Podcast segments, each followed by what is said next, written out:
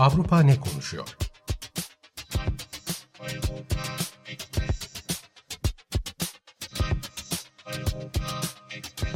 Avrupa medyasından yorumlar.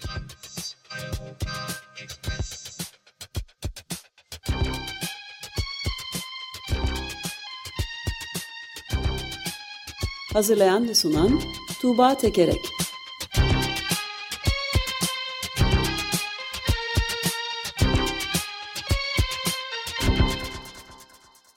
Günaydın Tuğba, merhabalar. Günaydın Ömer Bey. Günaydın. Günaydın Özdeş. Evet Avrupa bugün ne konuşuyor? Biraz değişik şekilde Avrupa'nın göbeğinde bir savaş başladı ve 1945'ten bu yana görülmüş Avrupa'nın gördüğü en tehlikeli anların yaşanmakta olduğunu rahatlıkla söyleyebiliriz. Sabah 8'den beri bu konuda haber yapmaya çalışıyoruz canlı haber. Breaking news dedikleri işte e, çok ciddi bir saldırı var. Tam to, topyekun saldırıdan bahsediliyor medyada. Bazı, evet. Yani, e, şöyle söyleyeyim ben de Ömer Bey, e, Avrupa medyasında esasen haftalardır Ukrayna meselesi konuşuluyor ve bu adım adım adım adım e, gelen e, bir, bir bir savaştı. E, işte mesela dünkü evvelki günkü yorumları okuduğumuz zaman hani şöyle yorumlar var. İşte Putin bütün bir Avrupa kırktasını korkutuyor ve dehşete düşürüyor. Yaptırım planları hemen hayata geçirilmeli gibi. E, ama e, savaşın bu dehşeti içerisinde tüm bu yorumlar yani son 3-4 saatte olan şeyler tüm bu yorumları e, eskitmiş e, durumda maalesef. E, çok farklı bir e, gerçeklik aşamasına geçmiş durumdayız. İspanya'dan El País gazetesinden yine dünden bir yorum. Şöyle diyor yorumcu, bu krizde konu yalnızca Ukraynalıların hayatı değil, aynı zamanda dünya düzeni ya uluslararası hukuka, diplomasiye ve insan haklarına dayanan bir düzen ya da salt güce ve evrensel haklarını herkesin kendine göre yorumladığı bir düzene doğru gideceğiz e, diyor. E, bugün de gördük ki mesela Putin hani evrensel hakları, özgürlük, e, işte kendini savunma, silahlanma, silahsızlandırma tüm bu kavramları e, bu savaş durumlarında hep olduğu gibi ters yüz ederek e, bambaşka bir şekilde e, kullanmaya başladı bu, bugün. E, bunu e, çok e, sıcaklığıyla görüyoruz. Evet demilitarize edeceğim diye başladı saldırıya zaten. Yani bunu bu tuhaflığı yorumlamak bile e, neredeyse imkansız güçlükte. Ee, evet, e, yaptırımları konuş. Yani şöyle Avrupa medyasına baktığımızda geçtiğimiz günlerde, haftalarda hani buna e, e işte e, asker, askeri olarak cevap vermek e, yönünde bir eğilim yoktu genel olarak. Biliyorsunuz yani Almanya e, Ukrayna'ya yardım olarak e, işte sadece bir takım e, ekipmanlar e, gönderdi. Son derece basit ekipmanlar gönderdi. E, daha çok üzerinde durulan şey yaptırımlardı. E, ama bir yandan da yaptırımların da pek işe yaramayacağı söyleniyor. Mesela şey ilginç bir ifade Putin yaptırımlara yer çekimine olduğu kadar alışık. Ee, Ukrayna'yı etkisiz hale getirmeye karar verirse yaptırımlar onu caydırmayacaktır şeklinde bir yorum var. Ee, ayrıca bu yaptırımlar konusuyla ilgili ilginç bir nokta. Ee, yani bugünün dünyasında bu kripto para e, piyasası nedeniyle de e, yaptırımların e, daha etkisizleştirildiğini, e, Rusya'nın bunun e, çevresinden dolanma imkanı olduğunu, dolayısıyla yaptırımların da artık başka bir e, safhaya geçmesi gerektiği konusunda yorumlar vardı. E, Almanya Kuzey Akım 2'yi durdurdu. E, bu, bu çok önemli bir şeydi aslında. Yani durdurdu derken e, e, devreye alınmasına ilişkin onay sürecini du durdurdu. Evet. E, bunun hani Almanya'nın şimdiye kadar Rusya'ya e, karşı en sert tepkisi ve tavrıydı. Bunun e, Rusya'ya tavırda bir dönüm noktası olabileceği şeklinde yorumlar vardı ama Rusya tamamen sahneyi değiştirerek bunu da son derece e, manasız bir e, hale e, getirmiş oldu. Gerçekten bundan sonra Avrupa'nın ne yapacağı ilginç e, e, merakla beklenen bir konu. E, şeyde burada belirtmek lazım. E, Avrupa'nın e, Rusya'ya bağımlılığını e, mesela şöyle yorumlar da vardı. Mevcut krizde Rusya Avrupa'nın yaptırımlarına yanıt olarak doğal gaz arzını gerçekten sert bir şekilde keserse ya da durdurursa Rusya'dan ithal edilen bu enerjinin yerine çabucak bir yenisini bulmak mümkün değil. Rusya'nın bu esaretinden kurtulmak gerekiyor ıı, şeklinde bir yorum mesela Almanya'dan Zeit Online'dan. E, Avrupa'nın bu bağımlılıkları e, özellikle enerji konusunda Rusya'da e, burada elini kolunu bağlayan önemli bir şey. E, bir not daha ile, ileteyim yani bu buğday e, piyasasındaki e, fiyatlardan bahsediyor. Buğdayın yanı sıra e, Rusya'nın e, gübre sektöründe de bir dünyada hakimiyeti varmış. E, İtalyan medyasından Corriere della Serra'dan aktarıyorum. Moskova 2 Şubat'ta Rusya'nın dünya pazarına hakim olduğu amonyum fosfat ve diğer azotlu gübrelerin ihracatını en az 2 ay boyunca yasakladı. E, bu gübreler buğday üretim maliyetinin yüzde 20 ila 25'ini oluşturuyor.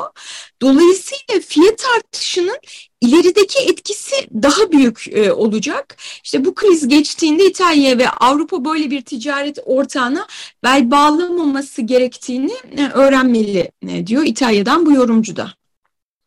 Evet yani e, e bir de tabii biraz önce sözünü etme fırsatını biraz bulduğumuz bu Democracy Now'da yapılmış önemli bir e, röportaj vardı. International Physicians for the Prevention of Nuclear War ve e, Physicians for Social Responsibility diye adlandırılan iki e, sivil toplum kuruluşunun başkanlığını da yürütmüş olan eski başkanlarından Doktor Ira Helfand e, mesela Ukrayna'daki beş aktif e, nükleer santralin durumundan bahsederek bunun nasıl bir, büyük bir felakete yol açabileceğini bir e, şey alırsa mesela silah durulursa bir tanesi bu santrallerin bu çatışmalarda ki başkentin çok yakında çatışma alanlarının yakında bulunan yerlerde de görülüyormuş. Büyük bir ülke olmasına rağmen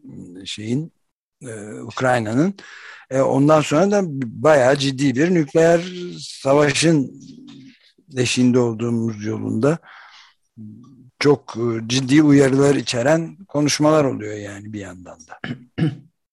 Ee, evet, ee, yani ben size bu şey gündem olmasaydı biraz e, şeyden bahsedecektim aslında. Ee, Hollanda e, Başbakanı Mark Rutte 1945-49 yılları arasında Endonezya'nın bağımsızlık savaşı sırasında Hollanda'nın yaptıkları dolayısıyla Endonezya halkından özür diledi. Yani başka bir savaştan bahsediyoruz. 1945-49 yılları arasında olmuş ve işte yaklaşık 80 yıl sonra bunun hesabı görülüyor. Yani bunun e, burada bir yüzleşme oluyor, özrü dileniyor. E, bu savaşta da 100 bin e, Endonezya'dan e, 100 bin e, kişinin öldüğü, 5 bin Hollanda askerinin e, öldüğü söyleniyor. E, ve ayrıca işte yani e, bu bağımsızlık, Endonezyalılar bağımsızlık savaşı verirken Hollanda'dan bu sömürge durumundan kurtulmak için e, Hollandalılar her ne pahasına olursa olsun savaşı kazanmak için e, işte işkence, yargısız infazlar e, ve bütün bunların e, her seviyede yani hukuk, askeri ve politik e, seviyelerde zımnen onaylandığı bir durum e, yaşanmış. Bunun işte 45-49 e, arasında. E, Hollanda 80 yıl sonra işte bir bağımsız komisyona rapor hazırlatıyor ve işte bizim o zaman sömürgeci üstünlük e, hakimdi kültürümüzde diyor e, ve Endonezya halkından özür diliyor. Maalesef 80 yıl sonra yine Hani biz e, şeyleri görüyoruz böyle ışık üzmelerini falan görüyoruz. Ama gerçekten insanların karanlıkta evlerinde bombalandığı, öldürüldüğü ve Avrupa'nın ortasında yaşanan e, e, bir durumu, bir sahneyi yeniden izliyoruz maalesef.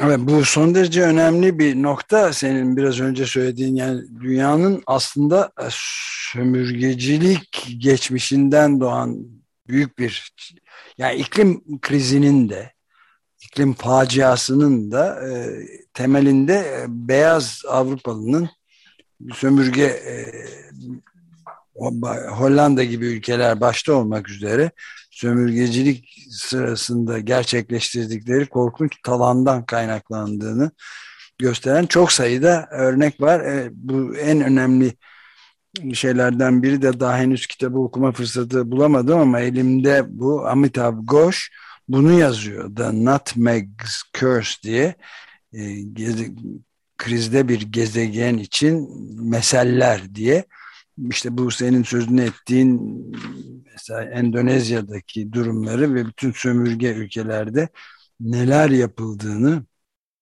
fosilleştirilmiş ormanlar ve korkunç şeyleri anlatıyor bugüne nasıl geldiğimizi.